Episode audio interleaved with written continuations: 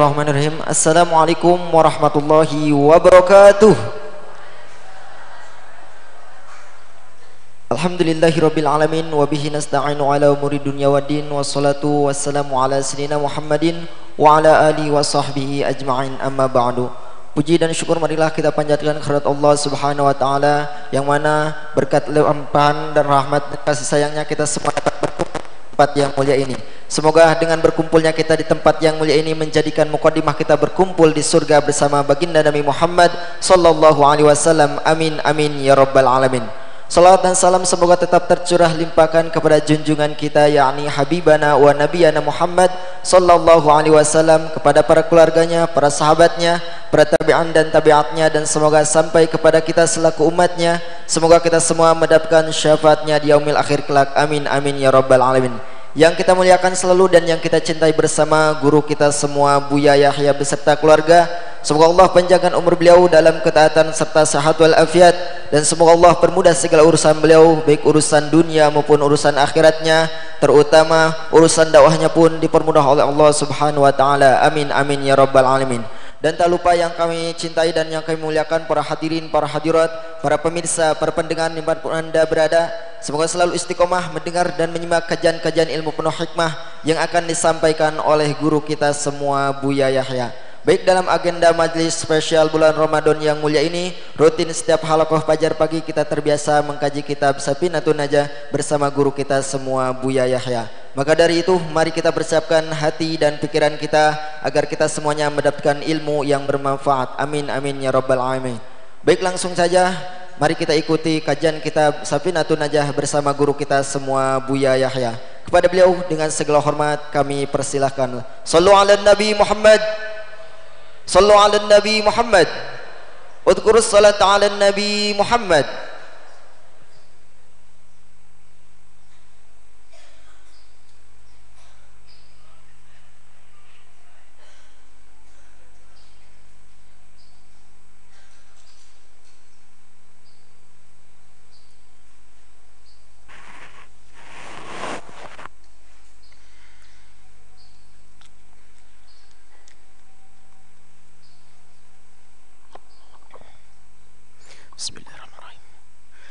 Assalamualaikum warahmatullahi wabarakatuh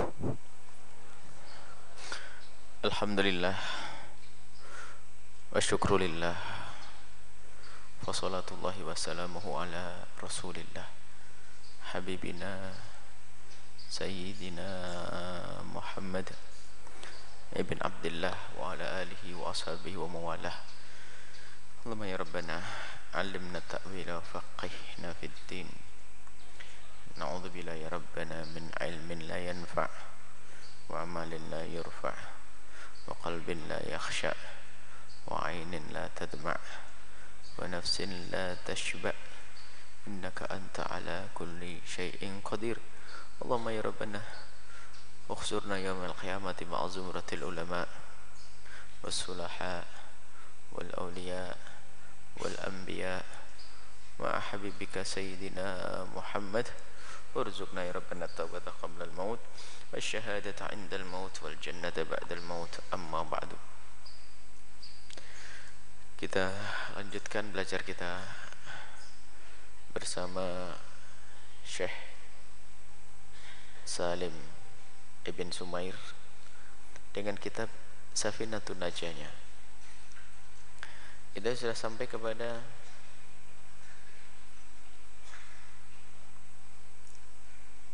Qala al-musannif rahimallahu taala nafa'ana Allah bihi wa bi ulumihi fid dharaini amin ila anqal. Man intaqada wudu'uhu. Kita sudah membahas tentang hal-hal yang mewajibkan mandi hal-hal yang membatalkan wudu' dan kita sudah belajar wudhu belajar mandi ada satu belajar mensucikan najis.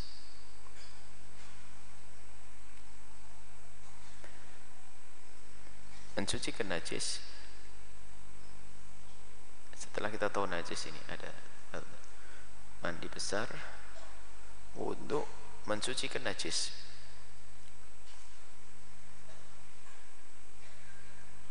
Isyarat ya kemarin isyarat membersihkan secara cara mensucikan najis terlebih dahulu mensucikan najis. Najis ada dua. Ada tiga. Dari tujuh macam najis yang pernah disebutkan itu dibagi tiga. Najis mukhaffafah najis mughalladah najis mutawasitah. Najis mukhaffafah najis mutawasitah najis mughalladah Adapun cara mensucikan najis mukhaffafah sudah kami singgung pada pertemuan-pertemuan yang lalu. Najis mukhaffafah adalah najis dengan syarat berikut ini. Satu, kencing bayi laki-laki. Kedua, bayi belum berumur dua tahun yang ketiga, bayi belum makan kecuali air susu ibu. Kalau sudah bayi seperti itu, maka air kencingnya najis, tapi ringan. Maksud ringan di sini dalam cara mensucikannya. Adapun menghalangi sholat sama najis mughalladah, mukhafafah, mutawasitah menjadi sebab sholat tidak sah sama Cuma yang disebut ringan itu ringan di dalam mensucikannya. Kalau najis mukhaffafah najis ringan, cara mensucikannya adalah jika kita menemukan sesuatu yang terkena najis mukhaffafah, terkena najis ringan, cara mensucikannya adalah contoh. Celana atau baju kita, pangkuan kita misalnya kena kencingnya bayi laki-laki yang hanya minum air susu. Ibu umur belum sampai 2 tahun. Kita pangku itu bayi tiba-tiba bayi kita pangku ngerembes basah. Kencing kena celana kita atau sarung kita maka cara mensucikannya mudah. Cukup kita percikkan saja air. Cara mensucikannya adalah berikut ini. Memercikkan air hingga merata ke seluruh ke seluruh wilayah yang terkena najis mukhaffafah. Memercikkan bukan mengguyur memercikkan air hingga merata ke seluruh wilayah yang terkena najis mukhaffafah baik. Kemudian najis mughalladah najis mughalladah hanya anjing dan babi dan keturunannya. Anjing dan babi serta keturunannya. Baik. Anjing dan babi secara keturunan najis berat. Cara mensucikannya cara mensucikannya adalah menggunakan air suci mensucikan dengan tujuh kali basuhan jadi mengulang-ulang basuhan hanya berlaku pada pencucian air mensucikan najis mukhalladah. Selainnya enggak ada ulangan apa bilangan mengulang-ulang enggak ada.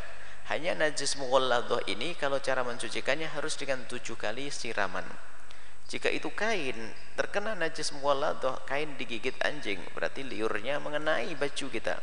Maka baju kita kalau kita ingin sucikannya kita guyur tujuh kali. Satu guyur. Dua atau kalau di sungai dicelupkan dicelupkan tiga kali atau digoyang-goyang eh, tujuh kali. Kalau diguyur air maka di tujuh kali. Satu diguyur. Ini kain. Satu dua tiga sampai tujuh kali. Dan tambahan lagi salah satu dari tujuh tersebut air dicampur dengan debu yang bisa digunakan untuk bertayamum. Sama tangan kita terkena najis. Tangan kita basah memegang anjing. Tangan kita basah memegang anjing. Berpindahlah. Berpindahlah najis ke tangan kita. Maka tangan ini najis. Maka biarpun kita cuci dengan sabun seribu kali belum hilang najis tersebut akan tetapi cara mensucikannya najis terkena anjing najis anjing adalah dibasuh tujuh kali.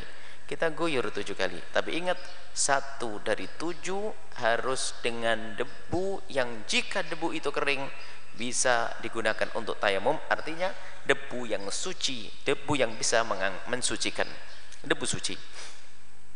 Caranya adalah sunnahnya air yang bercampur debu itu bukan di basuhan yang pertama. Eh, bukan di basuhan yang terakhir. Bisa yang pertama kedua ketiga dan seterusnya. Jadi misalnya basuhan yang pertama airnya dicampur debu langsung diguyurkan di tangan tadi. Satu baru nanti ke keran dua tiga empat lima enam tujuh selesai. Sunnahnya debu tidak di basuhan yang terakhir. Kenapa kalau debu di basuhan yang terakhir nanti bajunya kotor kena warna debu. Tapi kalau debu yang dicampur debu tidak di basuhan yang terakhir setelah dicampur debu akan dikuyur dengan air yang lainnya. Itu najis mughalladah adapun najis mutawassithah najis mutawassithah sederhana cara mensucikannya. Syaratnya adalah menghilangkan najis tersebut tentunya bentuknya najis ainun najasah bentuknya najis hilang. Yang kedua cukup diguyur dengan air merata sekali saja sudah cukup. Sekali mengguyur sudah cukup. Kalau mencucikan bekas air kencing bekas empuk semuanya cukup sekali tentunya setelah bersih. Sekali tak tahu masih nempel ya nggak sah nggak sah sekali dan bersih. Makanya syaratnya adalah bersih dari najis sekali basuhan maka tidak perlu kita sampai tiga kali basuhan. Hanya masalah kepuasan saja. Tiga kali basuhan.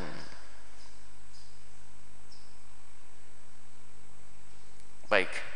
Sekali. Dan kalaupun kita di bak bak kecil baju kita terkena najis cukuplah baju ditaruh di bak lalu air didatangkan diguyurkan begitu kita goyang-goyang. Yang penting baju tertutup tergenang dengan air itu sudah cukup tidak harus airnya tumpah. Itu kan kebiasaan di kampung dulu air sampai tumpah. Kalau air tumpah boleh ya boleh saja. Hanya kan kita menyampaikan sesuatu untuk mempermudah. Biarpun air tidak tumpah sudah cukup. Asalkan waktu diangkat memang baju sudah bersih dari najis.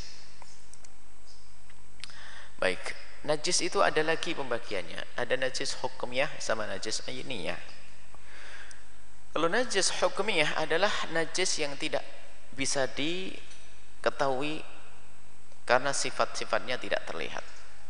Sifat najis adalah warna rupa warna rasa dan bau.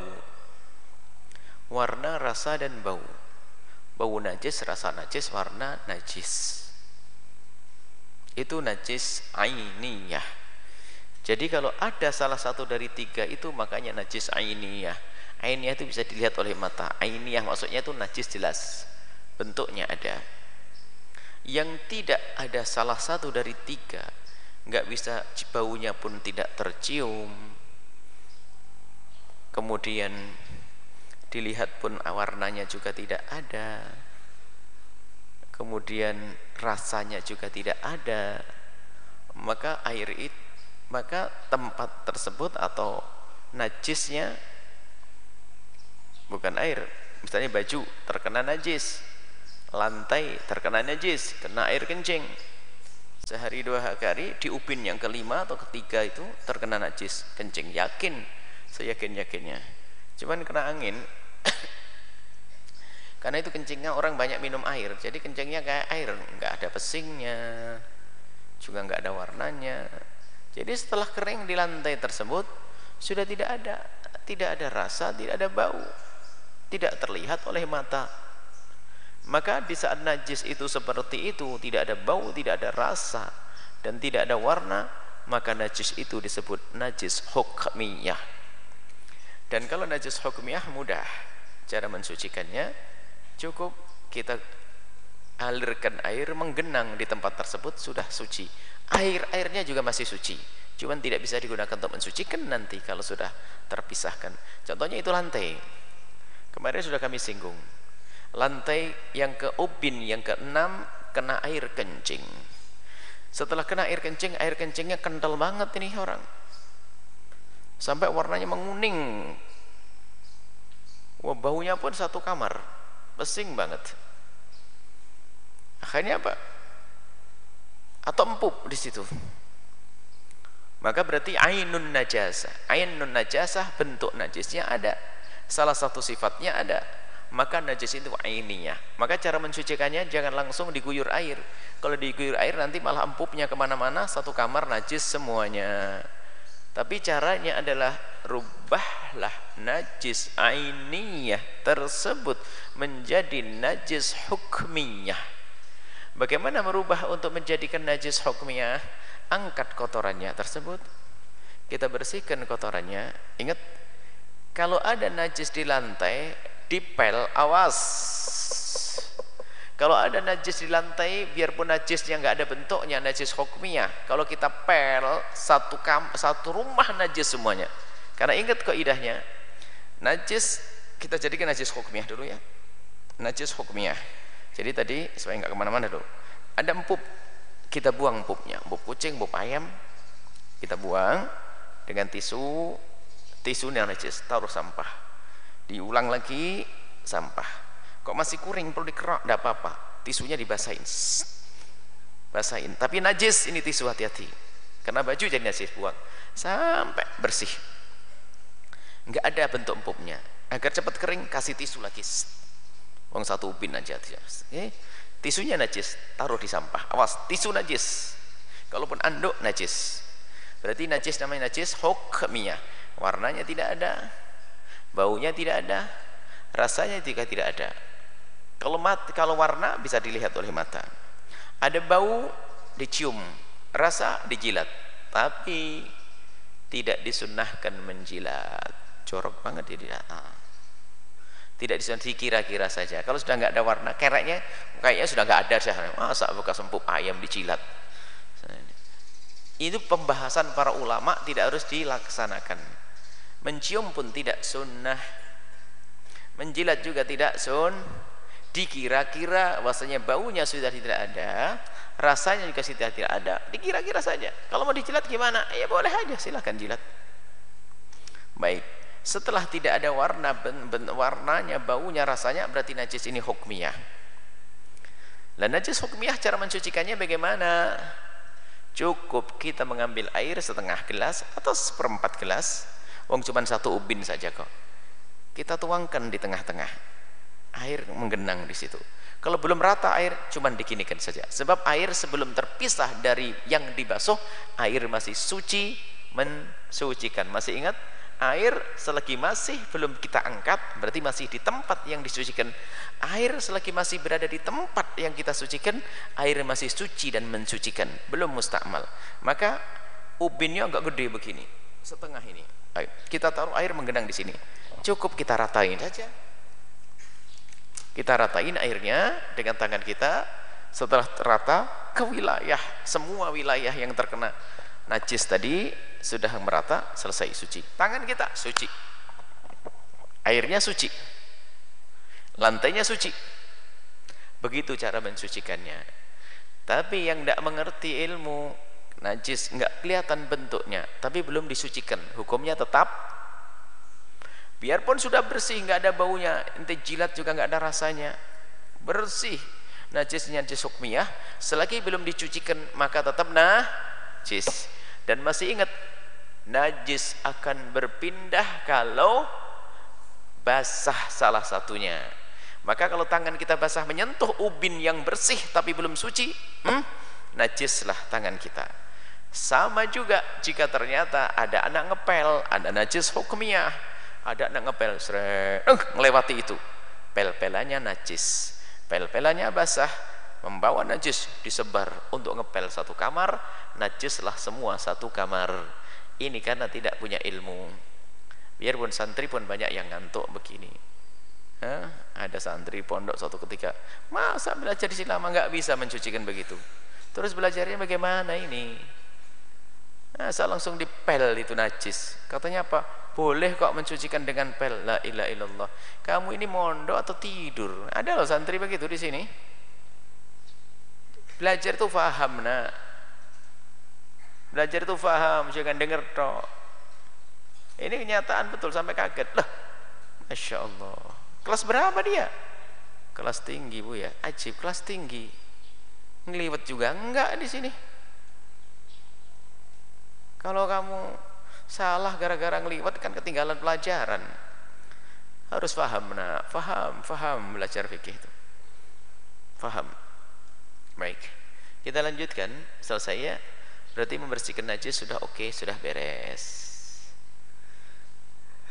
Ada kemarin yang ketinggalan masalah najis ada tujuh ya. Ada bangkai, ada dua bangkai. Dua bangkai yang tidak najis. Tiga, tiga bukan tiga ada bang bangkai semuanya najis kecuali tiga bangkai bangkai manusia bangkai belalang bangkai ikan cuman dari tiga yang boleh dimakan hanya dua. Bangkai ikan bangkai belalang bangkai manusia suci tapi enggak boleh dimakan. Waqad karramna bani Adam aku telah muliakan bani Adam sehingga mayatnya anak Adam itu suci. Selesai. Tinggal kita masuk bab baru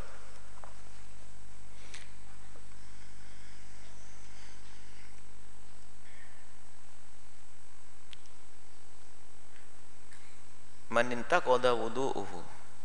Manintaqada wudu'uhu barang siapa yang batal wudu'nya haruma alihi arba'atun enggak boleh empat hal.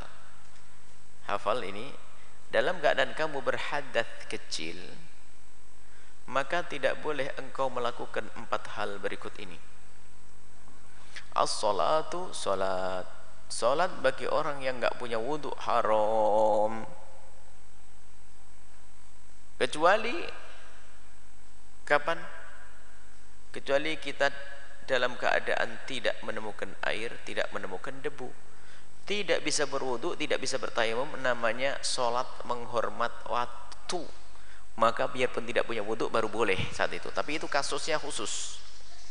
Tapi secara umum dalam keadaan tidak punya wudu hukum sholat adalah haram berdosa. Awas kadang-kadang malu. Sudah terlanjur jadi imam sholat hari raya jamaahnya 5000 ribu. Mau takbir Allahu Akbar buang angin nggak jujur lanjutin aja daripada saya batal. Nggak boleh. Dosa.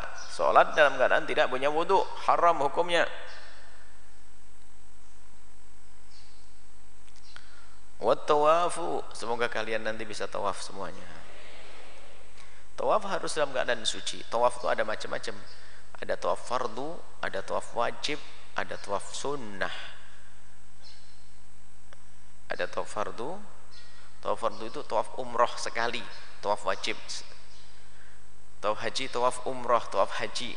Ada namanya tawaf kudum saat kita datang. Sunnah. Ada tawaf wada tawaf berpisah wajib menurut kebanyakan ulama ada nanti tawaf selain daripada amalan haji dan umroh enak kalau di Mekah itu nak di Mekah itu Tawaf saja itu ibadah daripada lari pagi kita. Kalau laki-laki lari pagi di sini enggak ada pahalanya. Tawaf itu tidak harus serta merta orang itu umroh dan haji. Jadi kalau kita pagi hari sholat subuh di sana, pengen lari-lari muter di Ka'bah aja. Enggak untuk umroh, langsung aja habis sholat subuh pakai baju biasa begini langsung tawaf tujuh kali niat. Aku tawaf karena Allah. Kayak sholat itu, tawaf tujuh kali dapat pahala. Itu syaratnya harus punya wudhu wa masul mushafi menyentuh mushaf wa hamluhu dan membawanya menyentuh mushaf dan membawa mushaf nggak boleh biarpun dibarengi dengan sesuatu untuk membawanya misalnya dibungkus dibungkus anduk dibungkus sarung nggak bisa. Membawa mushaf dibungkus anduk tetap haram. Membawa mushaf dibungkus anduk haram. Memangnya apa kamu bungkus anduk? Tidak tetap haram. Menyentuh mushaf dalam keadaan tidak punya wudhu haram. Membawa mushaf dalam keadaan tidak punya wudhu haram. Nah hati-hati nyentuh mushaf. Menyentuh mushaf adalah semua tulisan yang tujuannya adalah untuk menulis Al-Quran untuk dibaca. Biarpun hanya satu lembar tidak satu mushaf utuh. Kecuali darurat nanti. Dalam keadaan kamu tidak punya wudhu kemudian ada mushaf jatuh takut keinjek sama orang. Ambil aja secepatnya untuk memuliakan mushaf daripada keinjek. Biarpun dalam keadaan kita nggak punya wudhu nggak perlu kita wudhu dulu takut keburu kita wudhu eh, giliran kita wudhu keburu diinjek sama orang. Atau karena takut diambil orang lalu kita bawa biarpun kita tidak punya wudhu baik. Nanti ada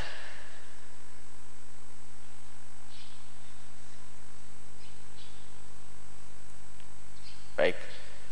Membawanya. Selesai ya? Membaca beda loh ya. Kita harus bedakan. Menyentuh mushaf membawa mushaf itu nggak boleh tapi kalau membaca Al-Quran bagi orang yang nggak punya wudhu, boleh. Kadang-kadang ngomong tidak boleh menyentuh mushaf, difahami tidak boleh membaca Al-Quran. Beda. Orang membaca Al-Quran tidak harus nyentuh mushaf, mungkin dibukakan sama orang lain. Baca gini, tolong bukain mas. Alif lam mim. Terus balik. Boleh. Biarpun dia tidak punya wudhu atau kalian punya hafalan? Mengulang hafalan Al-Quran dalam keadaan tidak punya wudhu boleh. Cuman kalau punya wudhu itu menjadikan pahala dilipat gandakan sampai 10 kali. Kalau tidak punya wudhu baca Quran dapat pahala satu. Tapi kalau dipakai wudhu 10 kali dilipat gandakan oleh Allah. Selesai. Wa yahrumul junub alal junubi. Martabat yang kedua adalah junub junub itu mulai semi berat. Bukan berat sekali tapi sebagian najis hadas itu dikatakan hadas kecil sama hadas besar. Hadas kecil adalah yang menjadikan sebab wudhu hadas besar adalah semua yang mewajibkan mandi hadas besar. Wa yahrumu dan haram alal junubi. Bagi orang yang punya junub junub itu ada dua nak. Junub itu adalah mungkin anak lima tahun junub mungkin anak enam tahun junub mungkin. Junub itu karena dua hal. Satu keluar mani. Kok anak lima tahun sudah junub bagaimana? Nah kalau anak lima tahun junubnya bukan keluar mani. Misalnya junub yang kedua adalah bersenggama. Anak laki-laki umur lima tahun sudah punya istri. Menggauli istrinya wajib man. Mandi. Ada anak perempuan umur 6 tahun nikah sudah. Digauli suaminya. Misal ini misal saja. Junub. Paham tak? Junub adalah antara bersenggama atau keluar mani. Sittatu asya enam hal yang enggak boleh. As-salatu orang junub enggak boleh salat. Atau wafu enggak boleh tawaf. Wa masul mushafi enggak boleh menyentuh mushaf wa hamluhu dan tidak boleh membawa mushaf. Itu sama. Sama dengan orang punya hadas kecil. Ada tambahannya dua kan enam. Wallubthu fil masjidi diam di dalam masjid. Kalau ada seorang laki-laki mimpi basah di dalam masjid setelah terbangun wajib langsung keluar mandi besar. Langsung mandi besar. Kecuali jika ternyata pintunya dikunci. Di luar banyak perampok. Duduk aja diam saja. Al-mukthu diam fil masjidi di dalam masjid. Kalau lewat saja nggak apa-apa. Masjidnya gede.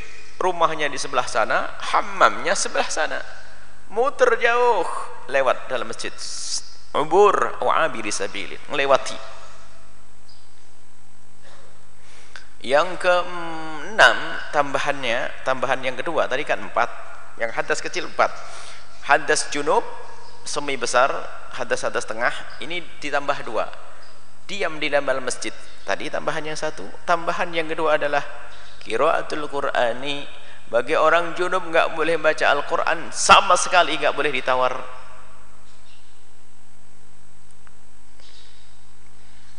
Karena Pak, dia boleh mandi besar langsung kecuali untuk tahassun untuk jaga diri baca dikir-dikir yang diambil dari Al-Qur'an. Selesai. Ada enam.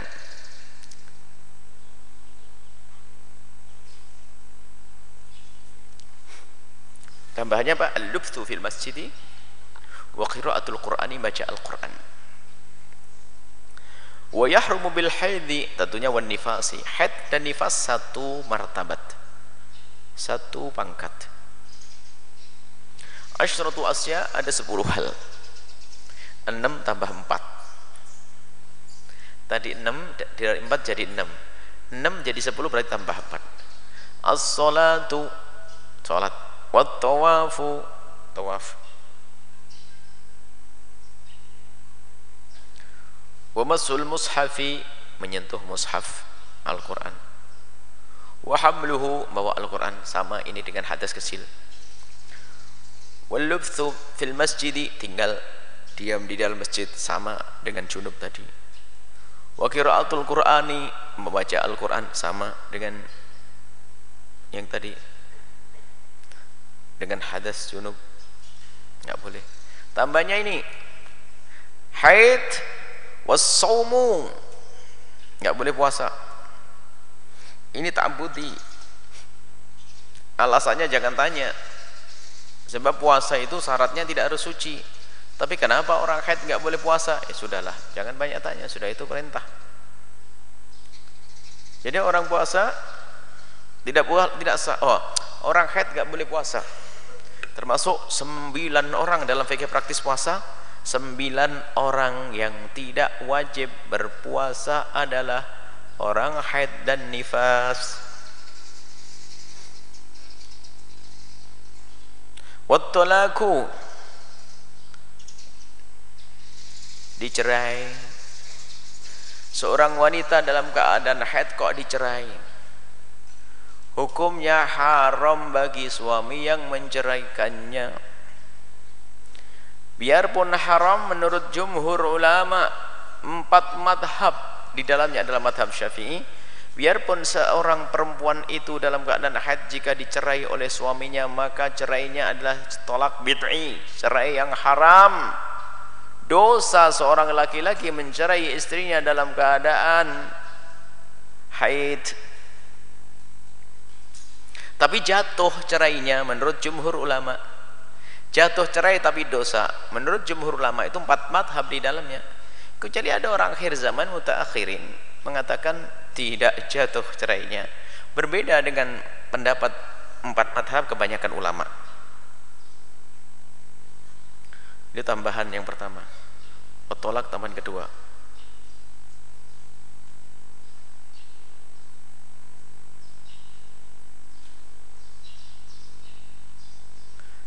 Wal mururu fil masjid melewati masjid in khafat talwithahu jika khawatir perempuan tersebut akan mengotori masjid.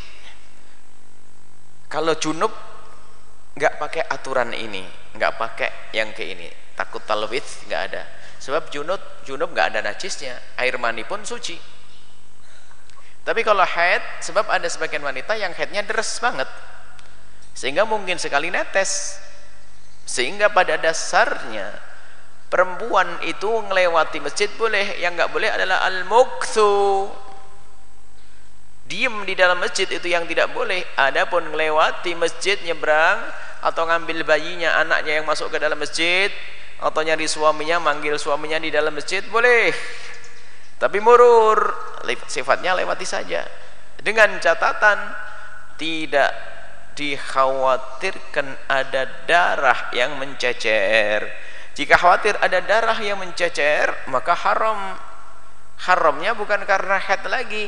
Haramnya karena akan menjadikan lantai masjid itu najis. Dan nanti dikembangkan oleh para ulama. Bahkan yang diharamkan bukan saja urusan orang head siapa pun yang di dalam dirinya membawa najis jika dikhawatirkan akan berceceran di masjid maka dia tidak boleh masuk masjid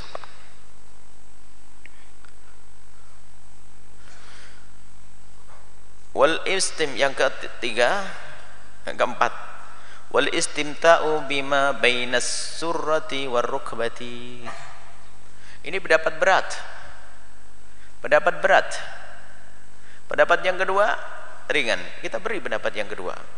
Pendapat yang pertama berat. Jadi kalau wanita haid itu tidak boleh digauli oleh suaminya sampai masuk ke wilayah tersebut. Hukumnya haram, dosa besar. Yas'alunaka 'anil mahid. Kul huwa adza. Apa perintahnya? fa'tazilun nisaa fil mahid jangan kau gauli wahai para suami perempuanmu dalam keadaan haid menggauli istri dalam keadaan haid itu haram cuman sekarang apa boleh bersenang-senang dengan istri yang lagi haid mana batasannya pendapat yang pertama boleh fauqal izar. Asalkan pusat dengan lututnya tidak diganggu. Boleh bersenang-senang dengan kepalanya sama ujung kakinya. Asalkan antara pusat dengan lo, lutut. Ini pendapat lumayan berat bagi orang yang mungkin syahwatnya tinggi dan sebagainya. Sehingga kita beri pendapat yang kedua. Istrimu wahai para suami dalam keadaan haid istri dalam keadaan haid boleh seorang suami bersenang-senang biarpun di dalam di wilayah lutut di, di antara lutut dengan pusatnya cuman satu tok yang tidak boleh memasukkannya. Kalau di, di kiri kanannya masih boleh. Asalkan tidak sampai masuk itu pendapat yang kedua juga perlu dihadirkan.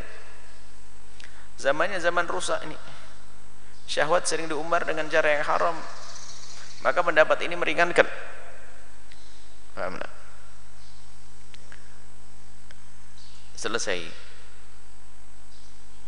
Ada tambahan. Membawa mushaf. Bagi orang-orang yang punya hadas besar atau hadas kecil. Membawa mushaf membawa Al-Quran. Hukumnya kan haram. Tidak boleh seorang yang punya hadas baik hadas kecil atau hadas besar dilarang bagi mereka untuk membawa Al-Quran.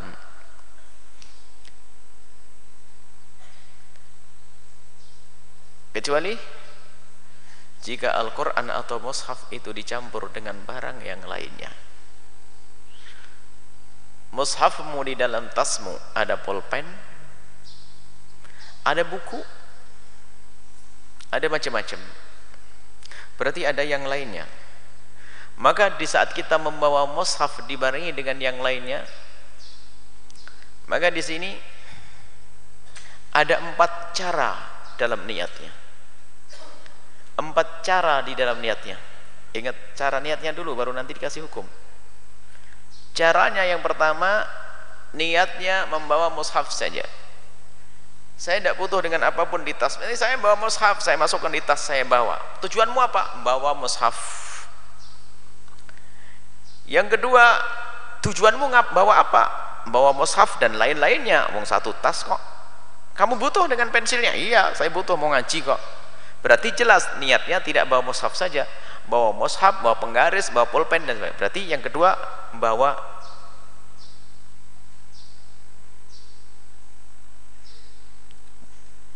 mushaf dan lainnya yang ketiga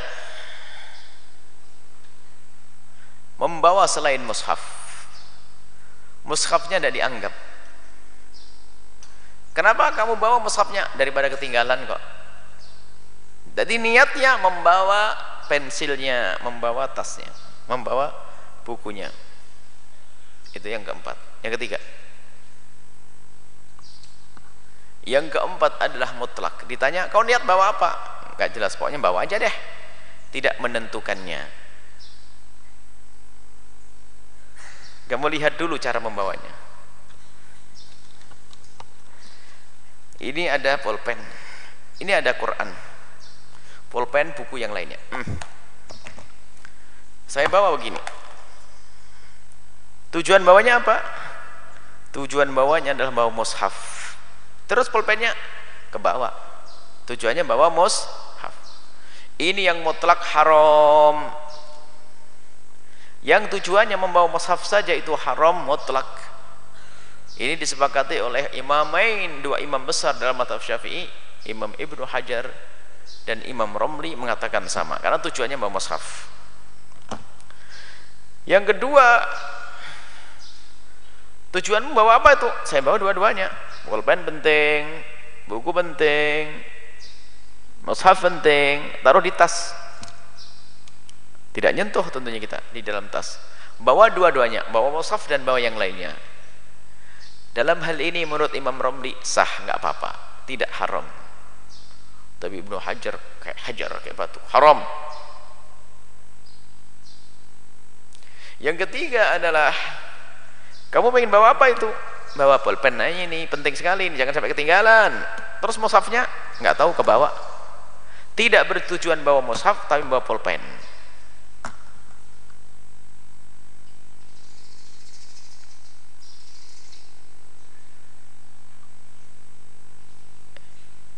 itu sah menurut semua ulama. Sah mutlak karena tujuannya bawa pul pen tidak bawa haf. Baik Ibnu Hajar atau Imam Romli mengatakan sah. Yang terakhir adalah mutlak. Mutlak. Nggak ditentukan. Maka dalam itu menurut Imam Romli sah nggak dosa tidak haram dan menurut Ibnu Hajar adalah haram. Jadi dari empat itu menurut Ibnu Hajar Al-Hitami sah satu tidak haram satu halal tiga.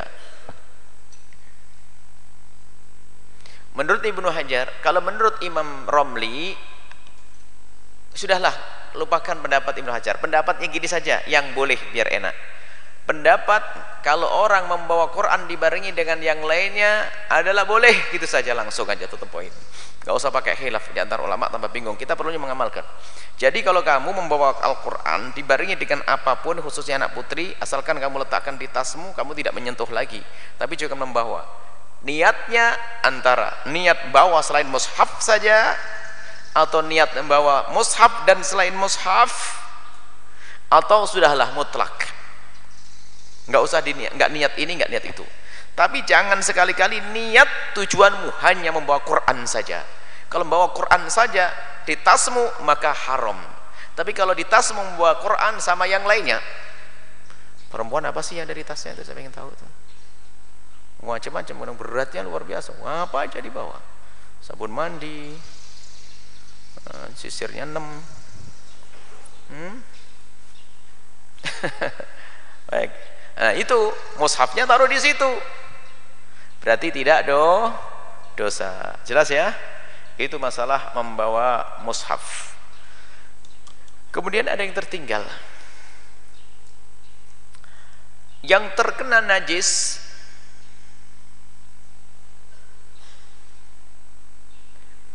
Kalau terkena najis maka badan kita terkena najis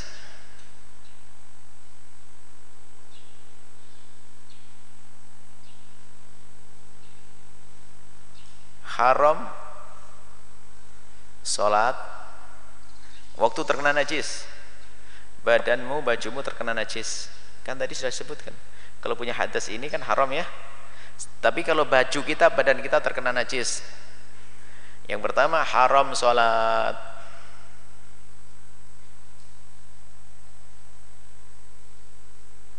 Dua haram puas tuk tawaf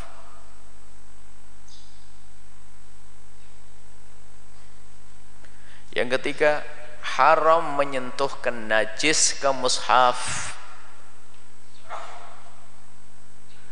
Kalau yang najis jidatmu asalkan kamu punya wudhu maka tanganmu menyentuh mushaf gak apa-apa. Tapi yang najis tangan nyentuh mushaf haram. Ya enggak? Najis tangannya aduh kena pipis. Tapi masih punya wudhu pipisnya siapa? Pipisnya dedek lagi nolong adiknya kena pipis ya pipis kita nyentuh mushaf haram. Itu saja yang diharamkan. Tidak boleh sholat tidak boleh tawaf tidak boleh nyentuh mus mushaf. Puasa boleh. Baca Quran boleh. Dan yang lainnya semuanya tidak boleh. Baik ini saja urusan masalah apa itu? Urusan masalah yang tidak dibolehkan bagi orang yang punya hadas. Bab baru. Di saat tidak ada air bagaimana kita bisa sholat? Catatan. Syarat sahnya sholat adalah bersuci dari hadas kecil dan hadas besar. Di antaranya ya syarat sahnya sholat banyak. Di antara syarat sahnya sholat adalah bersuci dari hadas kecil atau hadas besar. Nah sekarang pertanyaan gimana gimana cara mensucikan diri dari hadas kecil dan hadas besar? Cara mensucikannya sudah dijelaskan. Hadas kecil disucikan dengan berwudu. Hadas besar disucikan dengan mandi besar.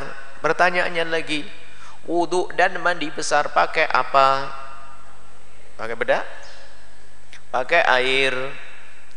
Nah sekarang pertanyaannya kalau air enggak ada bagaimana nah sekarang bab tayamum. Tayamum. Maka syarat sah tayamum nah, sebab diperbolehkan tayamum terlebih dahulu. Kita lepas dulu dari kitab.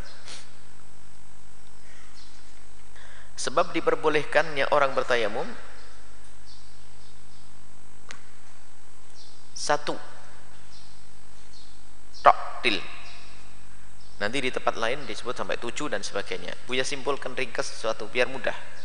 Diingatnya mudah. Satu kan gampang diingat cuman satu. Hanya ada satu. Orang baru boleh bertayamum syaratnya syarat sah apa? Sebab diperbolehkan tayamum adalah satu saja. Yaitu tidak adanya air faqdul ma'i atau fuqdanul ma'i. Tidak ada a air. Dan tidak ada air itu ada dua. Tidak ada air itu ada dua model. Percaya nanti nggak akan keluar dari kitab. Cuman Buya ringkas saja Buya pun mudah. Untuk bisa mudah dihafal saja. Tidak ada air itu ada dua yang pertama fuqdan hakiki fuqdan hissi. Yang pertama itu air tidak ada secara sesungguhnya. Memang nggak ada. Air tidak ada secara sesungguhnya. Wudhu pakai apa? Nggak ada air. Terus gimana? Nggak bisa wudhu. Berarti memang nggak ada air. Jelas? Yang kedua adalah fugdan maknawi air ada tapi seperti tidak ada. Air ada tapi seperti tidak ada. Contoh dia hidupnya di atas kolam yang indah.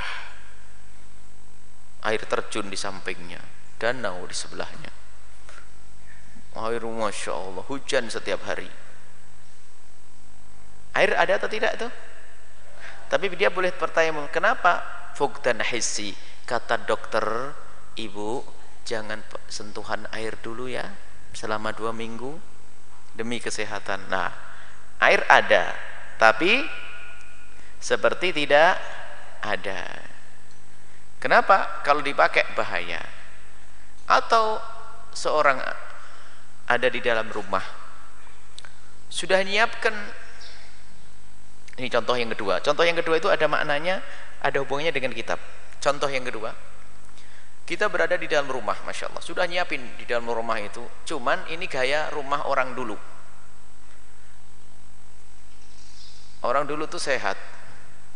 Toiletnya tidak ada di dalam rumah. Toiletnya jauh kan? Jadi rumah berjalan beberapa meter baru di situ ada ada WC toilet dan sebagainya di sana.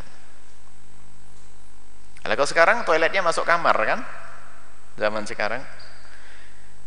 Orang dulu seperti itu toiletnya jauh. Di situ ada kamar mandi ada tempat wudhu. Mungkin dari sini ke gerbang gerbang sana. 20 eh, meter lah 30 meter. Air banyak setiap hari ada. Wah banyak. Oh, itu kolam. Ada kolam gede di situ. Dia di dalam rumah. Pas mau sholat subuh ada berita ada hutan kebakaran di atas sana. Terus kurang lebihnya 500 harimau berkumpul di kolam air. Hah? kelaparan lagi. Maka diumumkan semua warga mohon agar tidak keluar rumah sebab kolam dikepung sama harimau kelaparan. Padahal dekat. Kalau keluar rumah dimakan harimau lah dia. Maka dia tidak keluar keluar. Air ada atau tidak? Ada. Cuman bisa dipakai tidak? Berarti ada seperti tidak ada. Salah? Contoh yang ketiga. Kita ada air berapa drum di rumah? Cuman sudah ada, ada komando dari pemerintah kemungkinan sekali dalam tiga bulan tidak ada air datang tiga bulan. Orang sudah bisa ngira. Kebetulan tiga dream itu isinya adalah 90 curigen. 9 galon. 9 apa? 90 eh, galon. Satu galon untuk satu hari. Berarti satu dream itu pas cukup untuk tiga bulan. Paham enggak? kata pemerintah tiga bulan nggak ada ah, air kita di rumah punya cuma satu dream satu tempat. Berarti air cukup untuk minum saja selama tiga bulan. Maka karena air ini dibutuhkan untuk minum biarpun ada satu kolam tapi dibutuhkan untuk minum berarti biarpun ada seperti tidak ada. Nggak perlu kita wudhu dengan ini. Karena apa? untuk menjaga kehidupan manusia. Bukan saja manusia. Misalnya ada air satu curigen tapi ini untuk kebutuhan ayam. Kalau tidak minum ayamnya mati. Demi ayam tayamumlah. Demi kambing tayamumlah. Islam itu kan gampang. Air ada atau tidak? Ada. Tapi seperti tidak ada. Baik saya kembalikan. Boleh bertayamum. Pertama syaratnya sebab tayamum hanya satu. Air tidak ada. Air tidak ada dibagi dua. Air tidak ada secara sesungguhnya memang di rumah di kampung kita tidak ada kemudian setelah itu yang kedua air ada tapi seperti tidak ada. Air ada seperti tidak ada. Air ada. Kayak tadi dengan contoh-contoh yang bisa sebutkan tadi. Ada tapi seperti tidak ada. Karena air ada tapi seperti tidak ada boleh bertayamum. Besok insya Allah sekarang waktunya besok akan kami jelaskan tentang fuk dan hissi. Air tidak ada secara sesungguhnya itu ukurannya bagaimana sih? Nanti ada haddul ghawth ada haddul gurub ada haddul bu'ud. Kita bahas pada pertemuan esok hari. Jadi sebatas mana sih boleh dianggap kalau tempat kita tuh nggak ada air? Di sini nggak ada air tapi 3 kilo dari tempat ini ada air. Di kota berapa dari kota? 10 kilo. Wah banjir. Tapi sini nggak ada air. Boleh enggak tayamum? Maka itu ada harus ada ada batasan-batasannya. Maka insya Allah pertemuan yang akan datang kita akan jelaskan tentang fuk dan hissi. Ada batasan-batasannya ada haddul gurub haddul ghuth haddul gurub ada namanya haddul bu'ud nanti insya Allah dibahas. Sekarang kita baca nas dulu tentang sebab tayamum. Asbabut tayammumi thalathatun. Nah, ada tiga. Buya ngomong satu nanti di Kafiyakutun Nafis ada tujuh.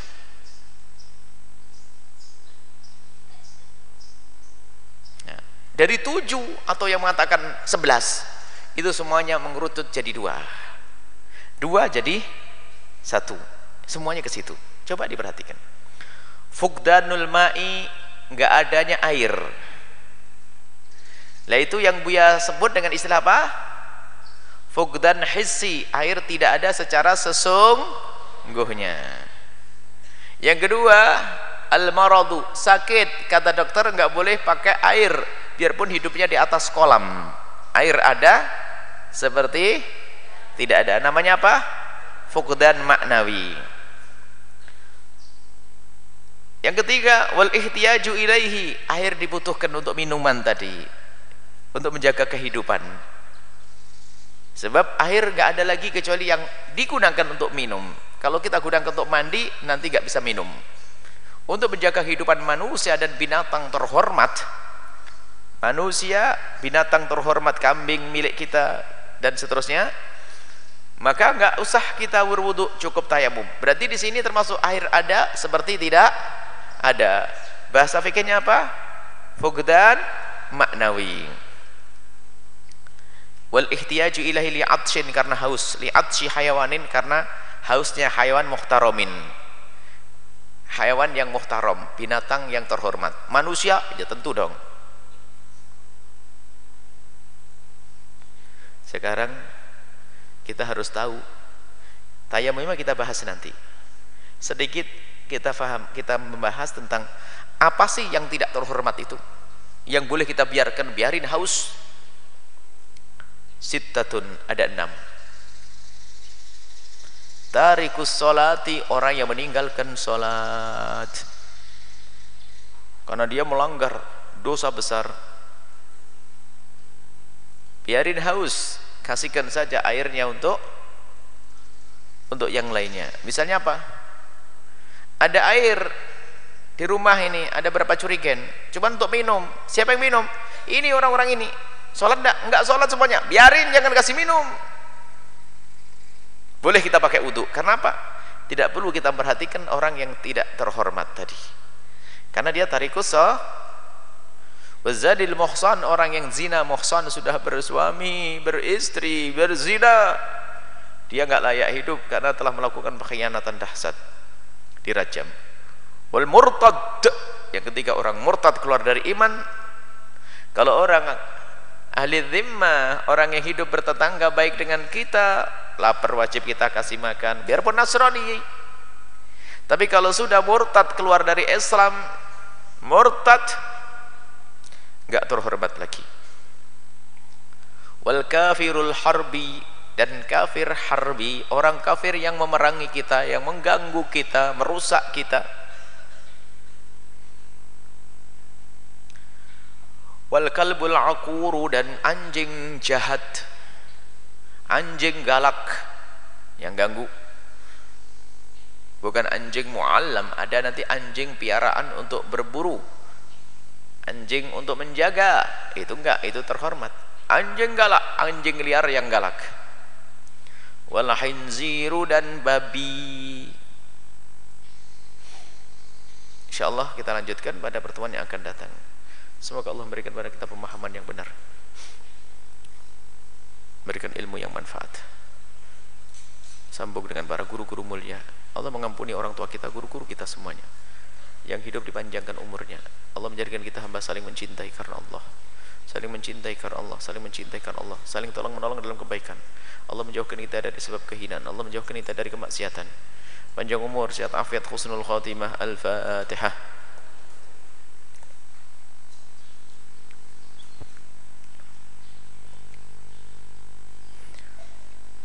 Bilih taufik wal hidayah. Assalamualaikum warahmatullahi wabarakatuh. Waalaikumsalam warahmatullahi wabarakatuh. Syukran kasiron kami haturkan kepada guru kita semua Buya Yahya. Semoga ilmu yang kita dapatkan bisa kita amalkan dalam kehidupan kita sehari-hari. Amin amin ya rabbal alamin.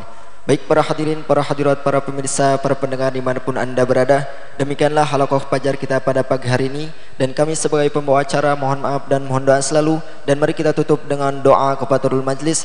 Subhanallahumma bihamdika Asyadu an la ilaha ila anta Astagfirullah wa atubu laik Walafu minkum warahmatullahi wabarakatuh.